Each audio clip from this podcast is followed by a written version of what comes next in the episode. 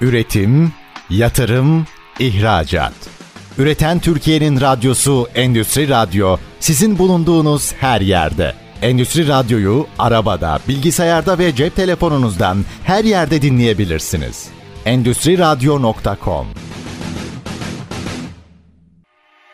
Yalçın Yaşar ve Handan Kaloğulları'nın hazırlayıp sundukları Spor Endüstrisi programı başlıyor.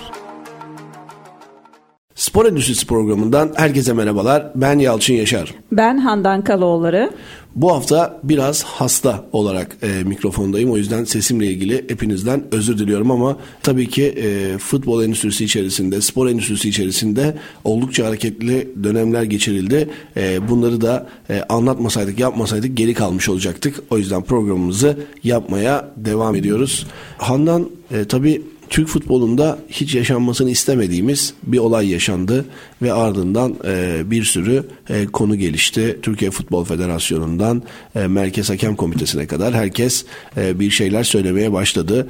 Ben de tam öncesinde Türkiye'de futbolun nasıl gittiğine dair farklı bir ülkenin yetkililerine bir şeyler anlatmıştım. Ta ki üzerinden 48 saat geçene kadar e, Türk futbolunda e, daha önce örneği hiç yaşanmamış e, bir konu yaşandı ve şu anda Türkiye'de ligler e, süresiz bir şekilde tatil edilmiş durumda.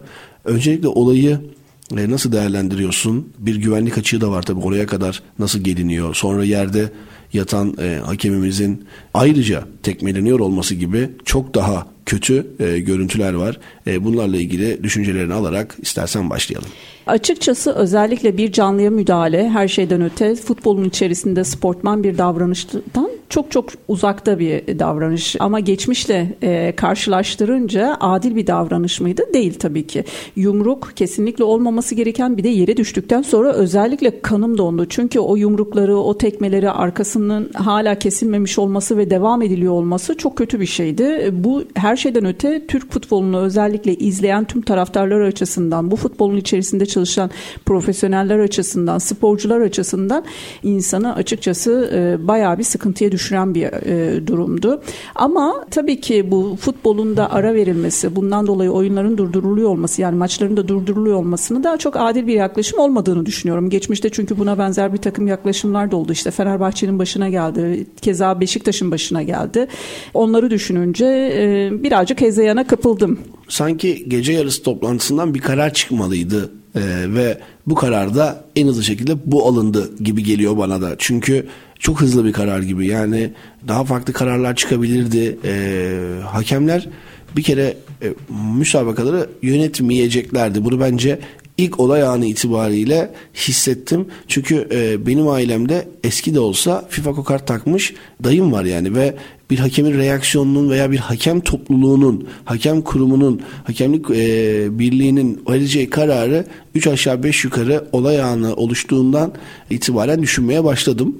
Ben hani hakemler çıkmayacaklardı bu kesindi ama 3 gün sürerdi ama bir hafta sürerdi ama 10 gün sürerdi. Şu anda süresiz lig tatilini Türkiye Futbol Federasyonu verince e, hakemlikten daha üstte bir karar çıktı burada. E, ve bu alt liglerde de yani şu anda bir Süper Lig'e çıkma e, mücadelesi veren takımlarda da bu oldu. Şimdi bunun antrenman planlaması var. Futbolcuların şimdi şey sormaya başladığını duydum Hani oynanmayacaksa biz en azından ailelerimizi ziyarete mi gitsek ya da oynanmadığı bu süre daha sonra araya mı sıkıştırılacak gibi farklı sorular ortaya çıkmaya başladı.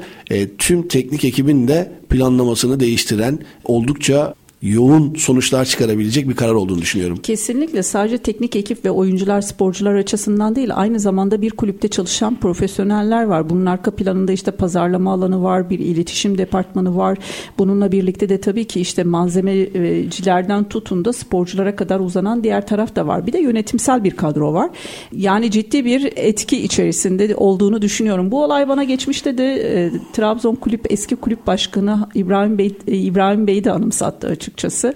Direkt olarak birazcık da hani hızlı kararın çıkıyor olması işte sporda siyasetin de biraz daha baskın olmasını direkt olarak öne çıkardı. Yani ne yazık ki bunlar karşımıza çıktı. Gerçekten e, yani gecenin o saatinde ben bu arada karar açıklanana kadar televizyon başında bekledim ne kararı çıkacak diye. Yani sabah gazeteden duymak istemedim, e, okumak istemedim veya herhangi bir e, medya kuruluşundan haber almak istemedim. O basın açıklamasına kadar bekledim ve e, gece galiba birileri bulmuştu artık haber çıktığında.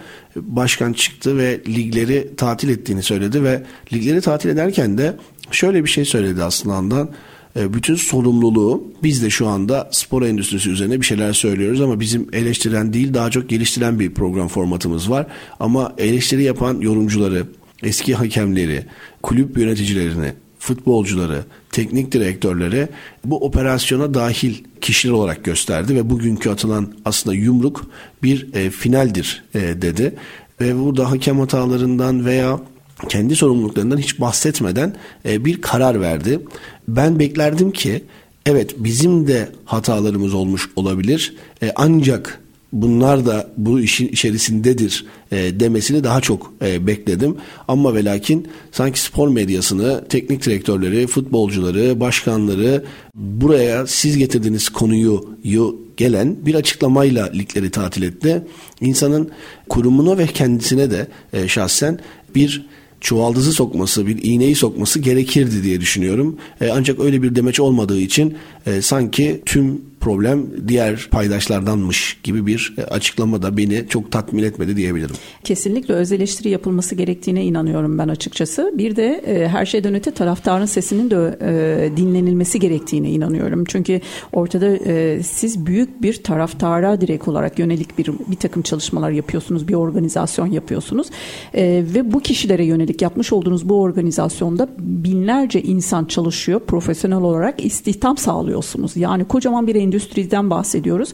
Bu endüstrinin de müşterisi kim oluyor? Tabii ki taraftar oluyor.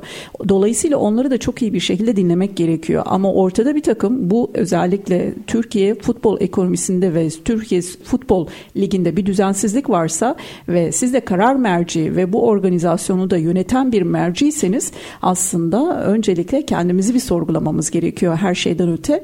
Bununla birlikte de daha sonrasında tabii ki operasyonel olarak bazı şeyler yanlış gidiyorsa ve yanlış yanlış e, ilerliyorsa işte o zaman o tarafları sorgulamalısınız veya o zaman taşı o taraflara atmalısınız. Buna inanıyorum. E, Mehmet Büyükekşi'nin üzerinde ciddi bir yük olduğuna inanıyorum ben. E, dolayısıyla da hani açık ve net bir şekilde söylemek gerekirse e, sporda nasıl 1900 işte 2004'lü yıllarda nasıl spor pazarlaması bizim lügatımıza girdiyse aslında 2008-2010 dönemleri itibariyle de artık sporda siyaset de bizim lügatımıza girdiğine inanıyorum. Ben bunu bu arada kabul ediyorum. Yani mesela sporda yakalanan başarılar devlet nezdinde insanlar tarafından e, halkla teması artıran bir şey. Örnek veriyorum işte e, Avrupa Şampiyonası'nda üçüncü olduk futbolda geldik ya da kızlarımız voleybolda e, Avrupa şampiyonu oldu, olimpiyatlara gitme hakkı kazandı, geldik. Tabii ki devletin en yetkili mercilerinde karşılanıp onlara tebrik edildi. Neden bu? Halkla aslında hükümetin e, bir şeyidir de temasını artıran önemli bir unsurdur da. O yüzden e, bunu takdir ediyorum. Bunda herhangi bir problem de yok. E, hatta e, hafta içinde seninle de birkaç kere konuşma şansına sahip olduk. Özbekistan Futbol Federasyonu'ndan e, Türkiye ziyaretine gelmişlerdi. Orada da sordum. E, dedim ki hani spor ve devlet adamları iç içeler mi diye. Tabii ki dedi ve hani ayrılamaz bir parça gibi düşünüyoruz hatta dediler. Aslında dünyanın e, birçok yerinde spor ve siyaset iç içe diyebiliriz. Gerçekten çok zorlanılıyor. E, siyasette Büyük Ekşi, e, Sayın Büyük Ekşi şöyle yaptı. Yani ben İçişleri Bakanı'yla da e, Sayın Cumhurbaşkanımızla da her biriyle de konuşarak e, Gençlik ve Spor Bakanımızla konuşarak bu kararı aldıma geldi. E, burada anlıyoruz ki zaten e, spor e, en yetkili kurumlarla da kararı paylaşılan özellikle futbol endüstrisi açısından bakacak olursak e, bu karar çünkü birçok ekonomiyi durdurmuş olabilir şu anda. Yani e, bu yayıncı kuruluştan tutun da e, stadyumda o hafta bilet satmayı, patlamış mısır satmayı veya bir forma satmayı düşünen kulübün ekonomisine kadar bu karar e, çok etkili bir karar olacaktı. O yüzden sorulmadan yapılabilecek bir işmiş gibi de gelmiyor bana zaten. Şöyle zaten domino etkisi yani kulüpler birliğinde çalıştığım dönemlerde biz tabii ki spor bakanlığı ile birlikte e, dirsek teması halinde direkt olarak hareket ediyorduk. Aynı zamanda işte aile ve politikalar Bakanlığı'na da direkt olarak bu konuların içerisinde bir proje yapıldığı zaman veya yapılacağı zaman bir görüş almak, fikri e, beslemek için, onlarla birlikte geliştirmek için bir takım çalıştay gruplarıyla birlikte hareket ediliyordu. Dolayısıyla zaten sporun içerisinde her şeyden öte bu ülkede tabii ki bir spor bakanlığı denilen bir birim vardı. Bir bakanlık var her şeyden öte.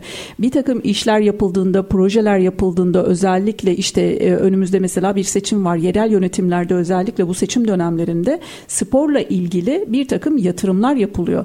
Bugün bir yerel yönetimde bile işte çeşitli gelen bütçelerden işte kimisinde binde 12, binde 15 gibi bir takım bütçeler ayrılıyor.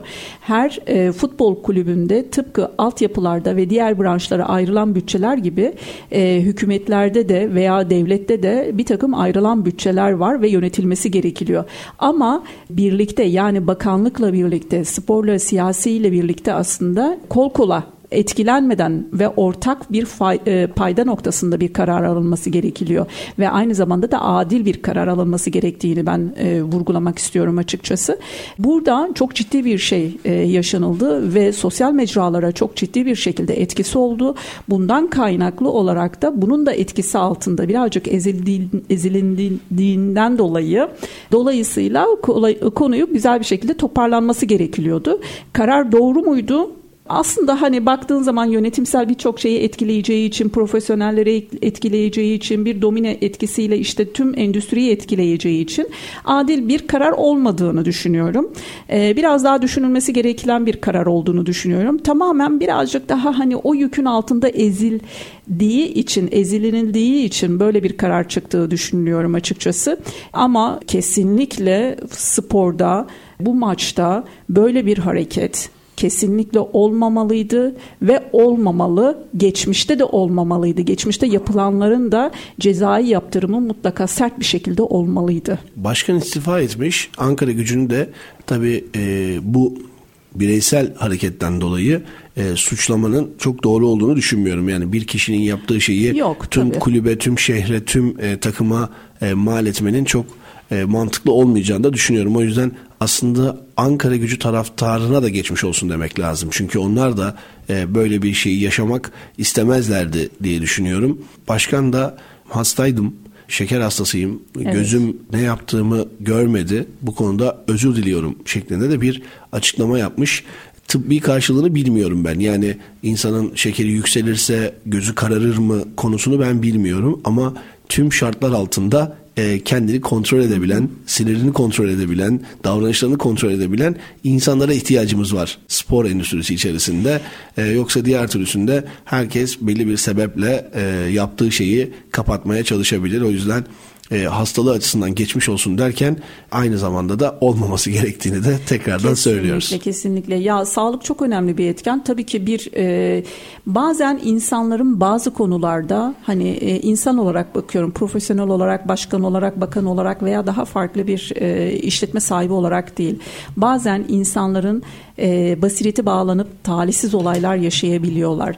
İşte bu durumda direkt olarak e, bir takım sağlık problemleri devreye girebiliyor veya o anda sinir e, veya ruhsal yaşamış olduğumuz durumlar devreye girebiliyor. İşte geçmişte gördüğümüz gibi bir takım e, bu maçlar esnasında teknik direktörlerimizin işte kendi kulübelerinden hemen e, arka alanlara doğru gönderildiği anları çok kez gördük veya işte sahaya alınmadığı dönemleri çok kez gördük, yaşadık birlikte. Ama bir başkanın kulüpten istifa etme seviyesine gelmemesi gerektiğine inanıyordum kesinlikle.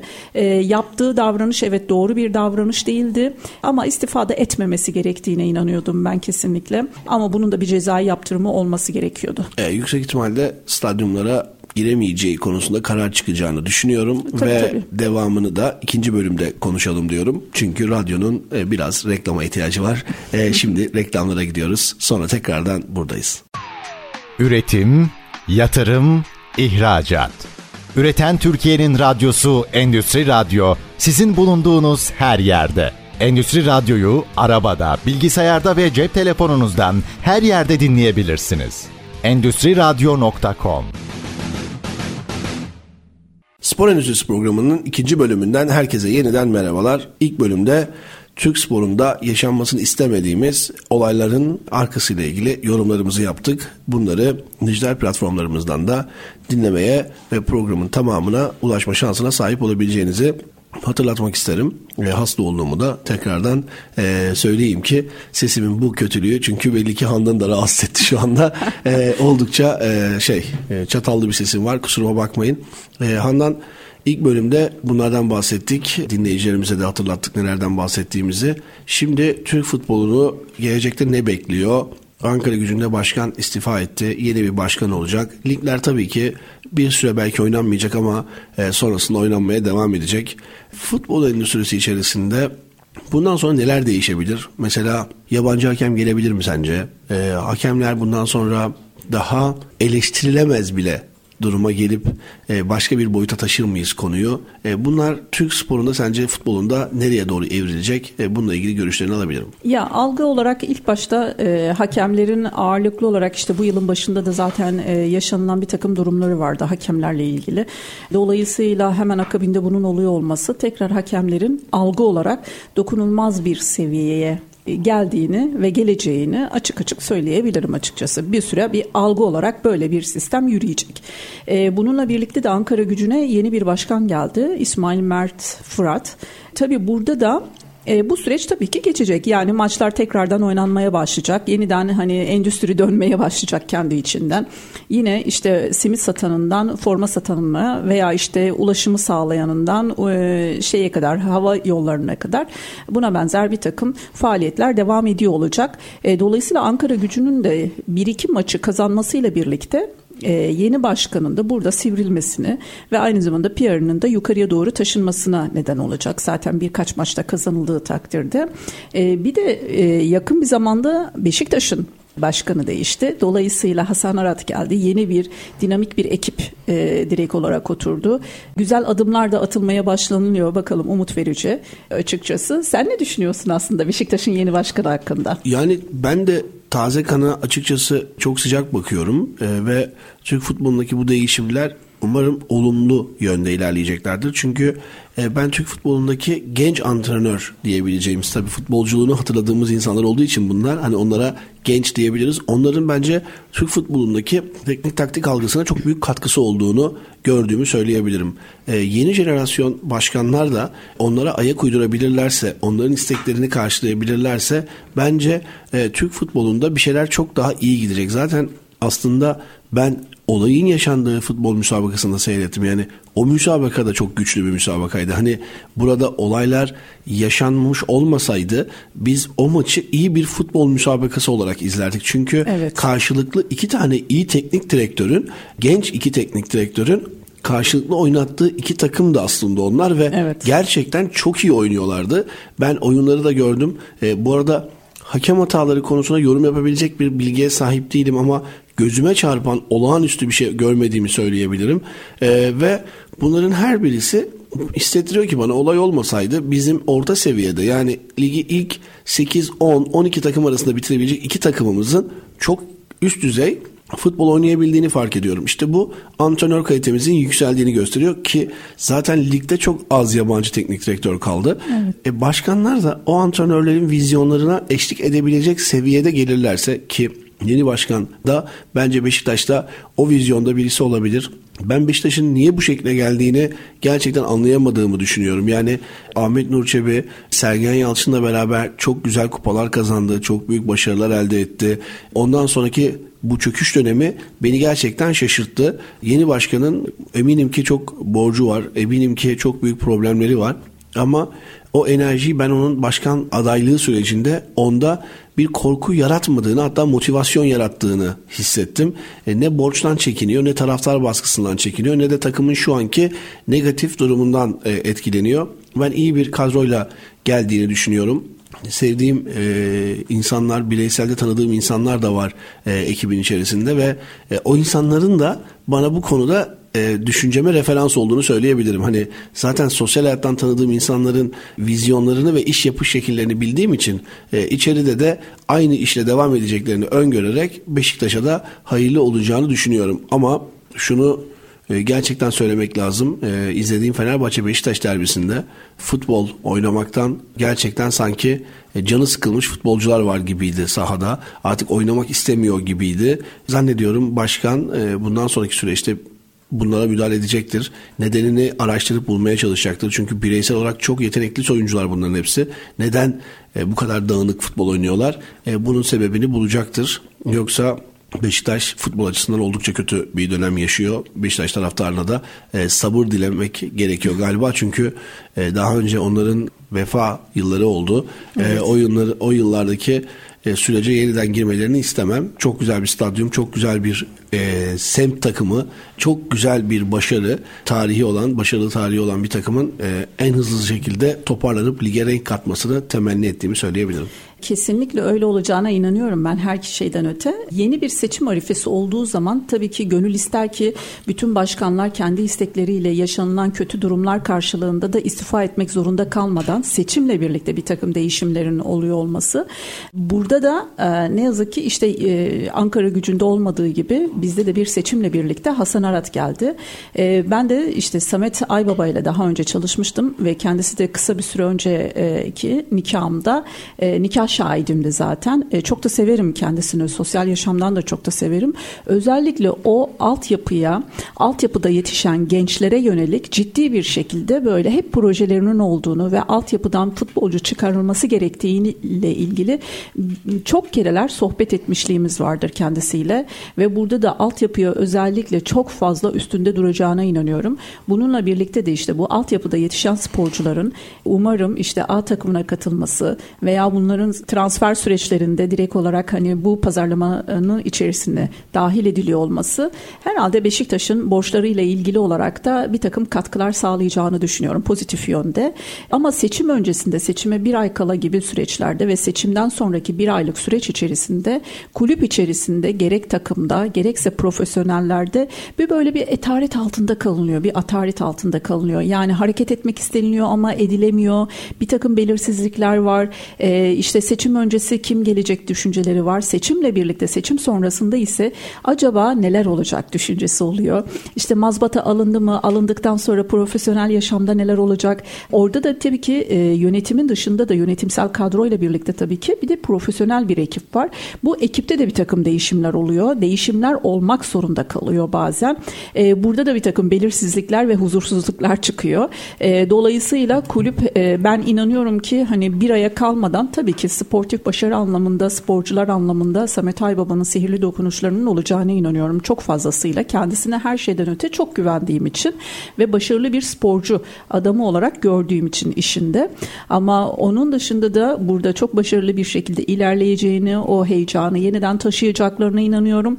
Bununla birlikte de profesyonel ekipte de belirli bir e, o huzursuzluklar, o kaygılar geçtikten sonra yani buhar olduktan sonra orada da bir heyecan ve e, hareketliliğin olacağına inanıyorum açıkçası. Ama m, şampiyonluk e, buna benzer durumlar artık ikinci dönemden sonra karşımıza neler çıkar bakalım. Ben daha önce konuşmuş olabiliriz. Belki bireyselde de konuşmuşuzdur. Radyoda da konuşmuşuzdur. E, tekrar da ediyor olabilirim. Kusura bakma. Sence şampiyonluk zaten maliyetli bir şey değil mi ya? Yani e, şampiyon takım kurmaya çalışmak bu kadar borcu olan kulüplerde hala büyük kontratlarla oyuncu getirmeye çalışmak bence çok riskli hareketler bunlar yani. O yüzden yeni politika belki Beşiktaş açısından önce borçlarından arınacak e, bir yapıya gitmek. Belki taraftarına çıkıp e, ben birkaç yıl şampiyon olmayı değil borçlarımı ödemeyi amaçlıyorum e, demek. Ama Avrupa liglerinde tabii ki her zaman olacağım demek. Çünkü şampiyonluk maliyetli bir şey. Yani mesela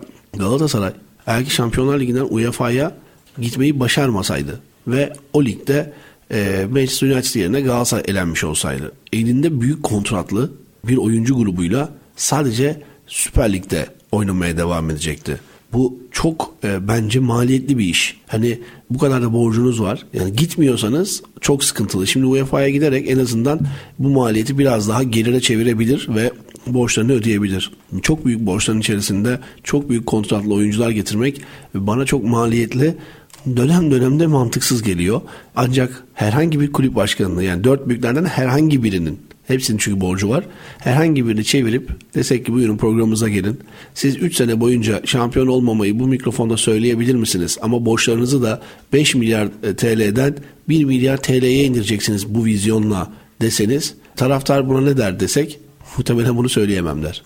Kesinlikle. Hatta e, denk geldin mi bilmiyorum. Gazetelerde özellikle işte yılın en pahalı derbisi, bilmem kaç milyar e, TL'lik derbi gibi e, Fenerbahçe Galatasaray derbisi var. E, dolayısıyla bu derbide özellikle bu başlıklar e, atılmıştı. Yani bir futbolcunun maliyeti ve dolayısıyla o m, işte sadece derbi başlıklarında veya elimizde oluyor olması eğer bir şampiyonluk için oynanmıyorsa. Yani evet sadece o sanki derbileri kazanmak için kuruluyormuş gibi de olabilir dönem dönem. O yüzden benim anladığım bu endüstride benim yoğurt yeme şeklim önce takımı finansal olarak bir noktaya götürmek ve e, bunun ardından şampiyonlukları konuşabilmek. Bu kadar borcu olan bir takımda ben Beşiktaş'a başkan oluyor olsaydım önce borçlarımı ödemenin yolunu arardım. Hatta çıkar çok medeni cesaretle de birkaç yıl bizden şampiyonluk beklemeyin. Çünkü bu takım şampiyon olmak için daha fazla borçlanmak zorunda. Daha fazla borçlanırsa beni de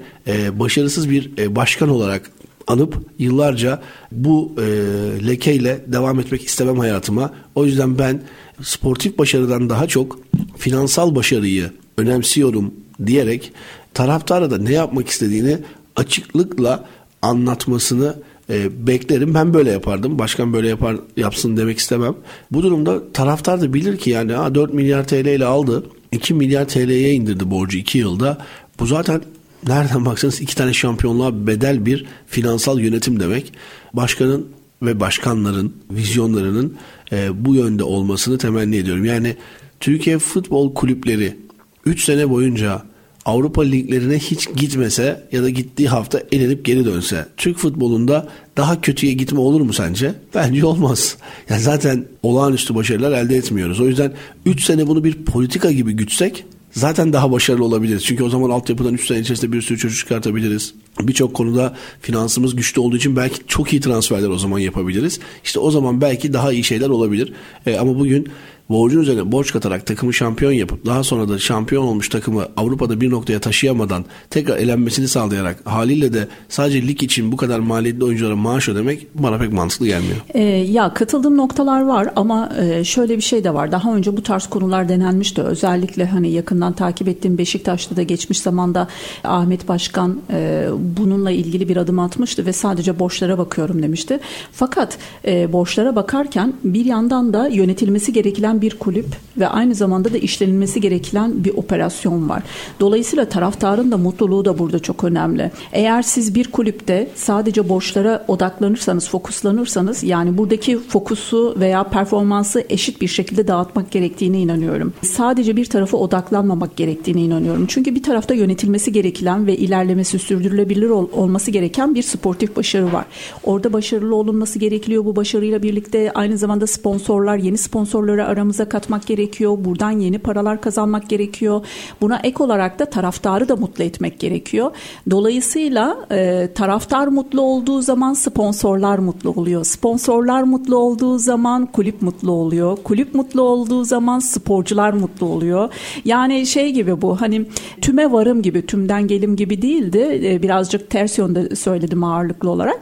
Herkes mutlu oluyor. İşte burada eğer biz sadece kulübün borçlarına odaklanırsak sportif başarıyı birazcık arka plana atmış oluyoruz ve dolayısıyla burada da taraftar da mutsuz oluyor. Taraftarla birlikte sponsorluk çalışmaları da e, birazcık daha inmiş oluyor. Yani grafik aşağıya doğru inmiş oluyor.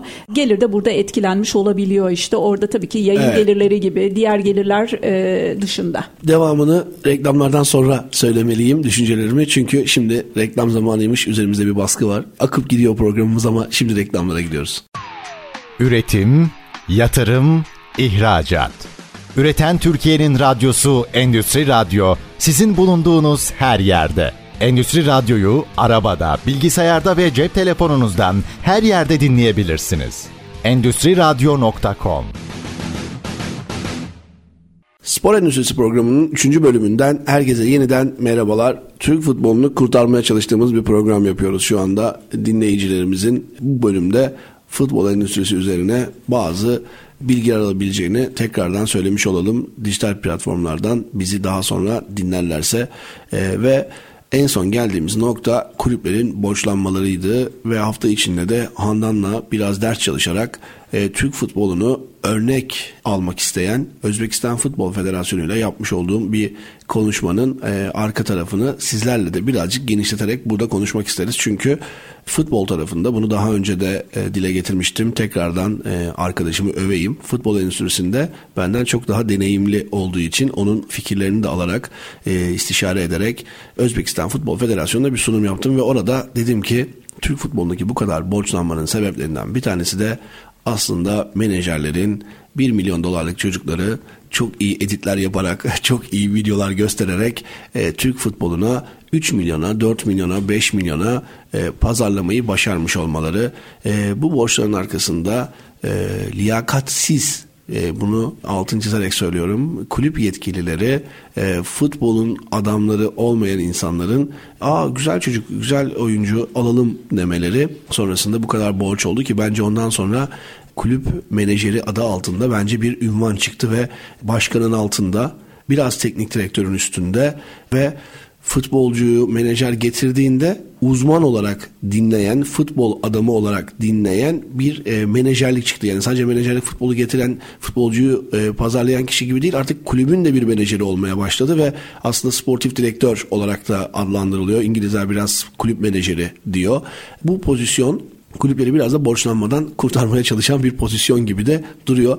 Sence de Türk futbolundaki bu borçlanmanın arka tarafında e, futboldan pek anlamayan yönetici kadrolarının e, futboldan iyi anlayan menajerlere ikna olmuş olma ihtimalleri var mı? Kesinlikle var. Her şeyden öte bir de e, başkan seviyesinde olan yani e, veya başkan vekili olan kişilerin çevresinde olan bazı kişiler bulunuyor. O kişilerin sözleri çokça dinlenilebiliyor ve dolayısıyla çokça dinlenilince de ne oluyor? İşte futbol direktörü de es geçirerek işte bunu mutlaka almalıyız cümlesi kuruluyor ve onunla ilgili bir takım araştırmalar yapılıyor. Ama bununla ilgili her şeyden öte kulübün içerisinde squad denilen bir bölüm var. Yani siz öyleyse o böyle o şekilde bir birimi neden kurdunuz?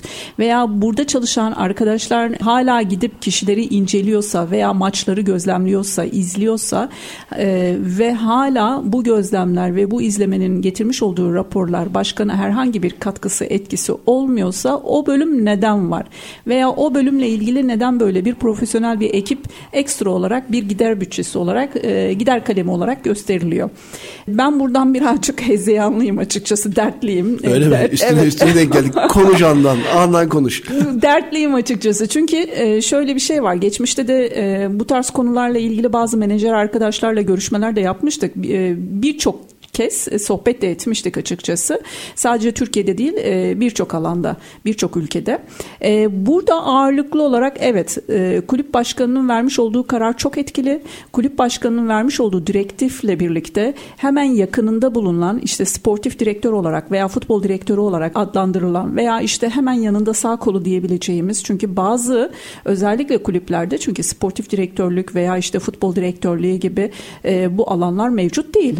Baktığımız baktığımızda ilk 5, ilk 6'nın dışında ağırlıklı olarak menajerler devreye gidiyor ve menajerler üzerinden hemen e, kulüp başkanları e, ile görüşülüyor, bağ kuruluyor ve onlar üzerinden de futbolcular bu şekilde pazarlanıyor açıkçası.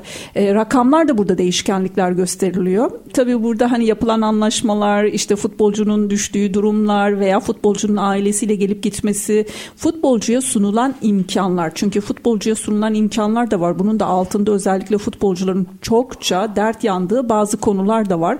Futbolcular menajerlerle birlikte sadece imza atıyor.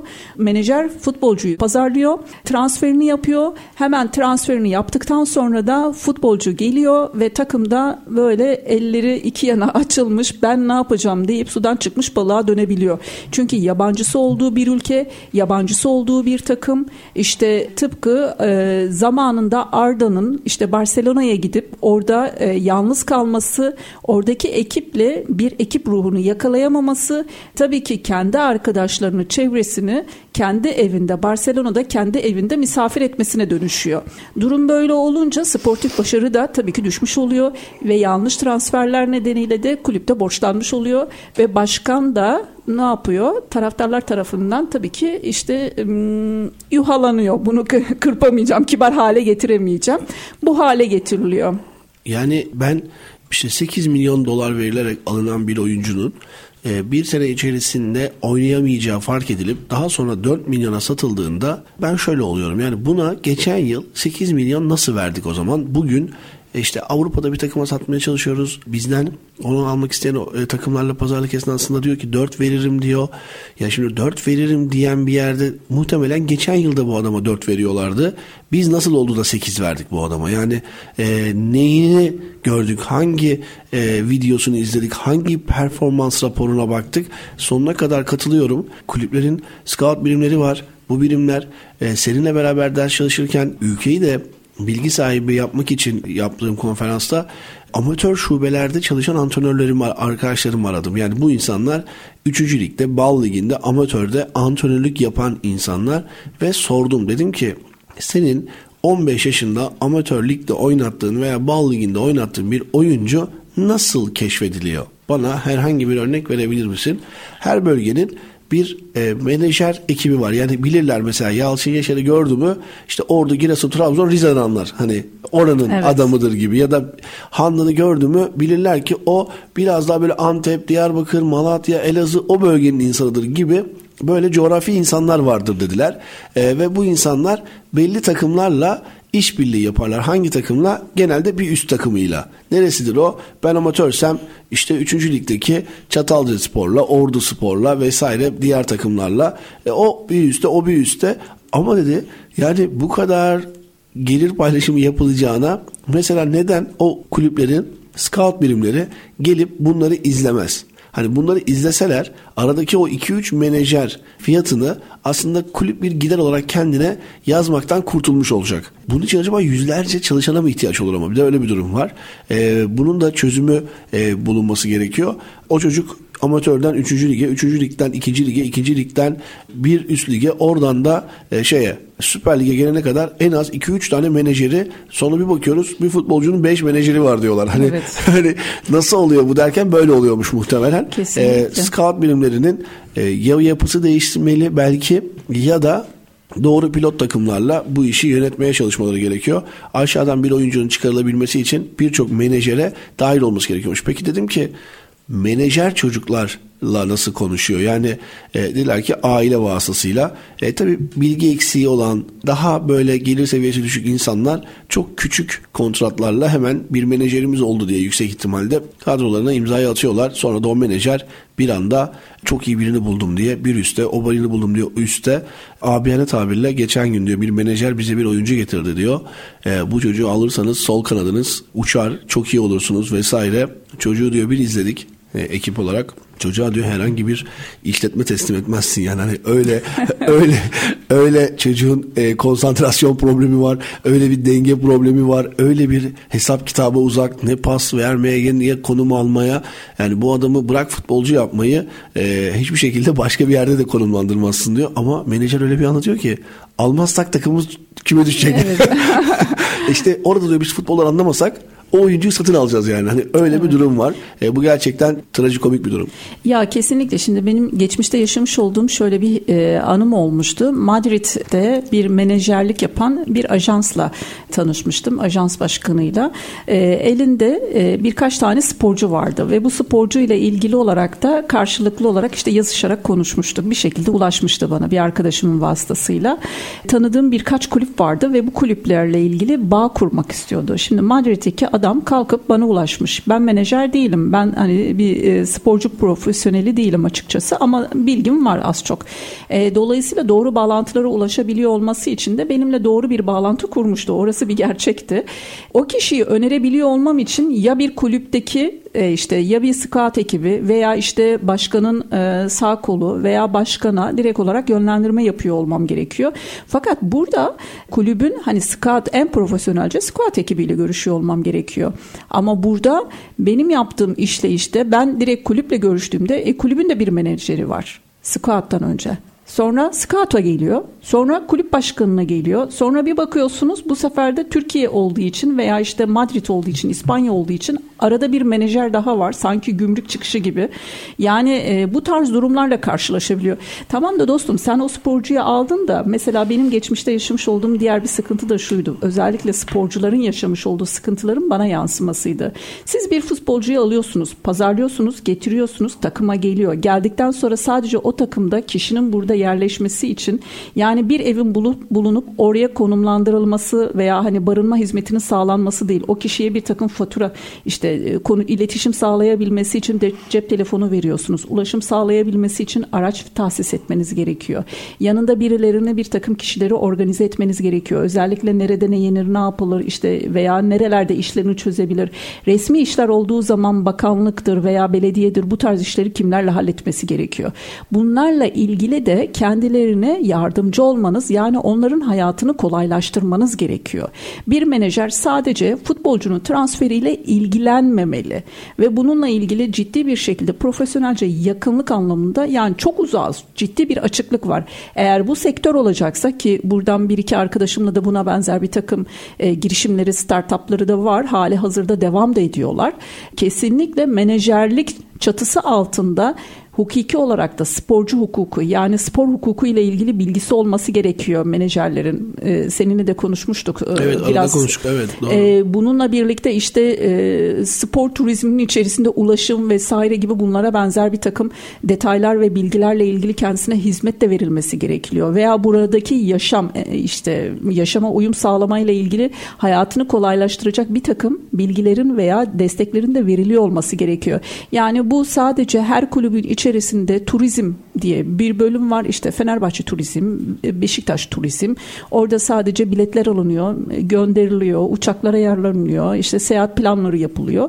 E, veya işte iletişim departmanı var. Buralarda hatlar veriliyor veya idari işler var. Buralarda kendilerine evler sunuluyor. İşte nerelerde yaşayacakları belirleniyor ve sonrasında bırakılıyor. Ve sporcu gelince sadece antrenman yapacağı saha ve ev arasında gidip geliyor ve tabii ki kulüp içerisinde de bir ekip ruhunu oluşturamadığı için sosyallik de olmadığı için sporcularla arkadaş olmak yerine malzemecilerle veya işte e, oradaki e, insanları küçümsemiyorum veya yadırgamıyorum. Elbette ki farklı departmanlarda çalışan insanlarla diyalog ve arkadaşlıklar olmalı ama ben bir sporcuysam, futbolcuysam benim futbolcu arkadaşım ve onlarla kendi performansımı konuşabileceğim, paylaşabileceğim bir futbol çekirdek arkadaş sosyal ortam olması gerekiyor. Ben orada bir hizmetliyle bu konuyu, bu performansı tartışmamalıyım veya teknik direktörle veya daha farklı birimlerle görüşüyor olmalıyım. Bilmiyorum yanılıyor muyum? Yo ben çok e, doğru buluyorum. Hatta şu anda programın da sonuna geldik ama hem de düşünmeye sebep verebilecek bir soruyla e, bitirelim. Belki de şu anda Madrid'de Arda Güler benzeri bir sorunu yaşıyor olabilir e, diye aslında sporcunun e, menajeri tarafından e, belki de yaşamıyordur sadece bir soru bu. Menajeri tarafından gerçek bir bütün olarak bir ürün olarak sahiplenilmesi, pazarlaması ve yaşatılması açısından e, bir ticari ürün olarak yani menajerseniz o da sizin sattığınız ürünse e, onu her açısından bakıyor olmanız gerektiğini söylüyorum. Eğer ki menajerlik kurslarına gidip Türkiye Futbol Federasyonu'ndan acaba menajer mi olsam diye bir e, düşünceye sahip bir girişimciyseniz bunlara dikkat etmenizi tavsiye ederek programımızı sonlandırıyoruz. Hepinize spor dolu, sağlık dolu bir yaşam dilerim. Türk futbolundaki bu gün gibi bir günün bir daha yaşanmamasını temenni ederek hepinize spor dolu, sağlık dolu bir yaşam diliyorum. Sporla ve sevgiyle kalın. İyi günler diliyoruz.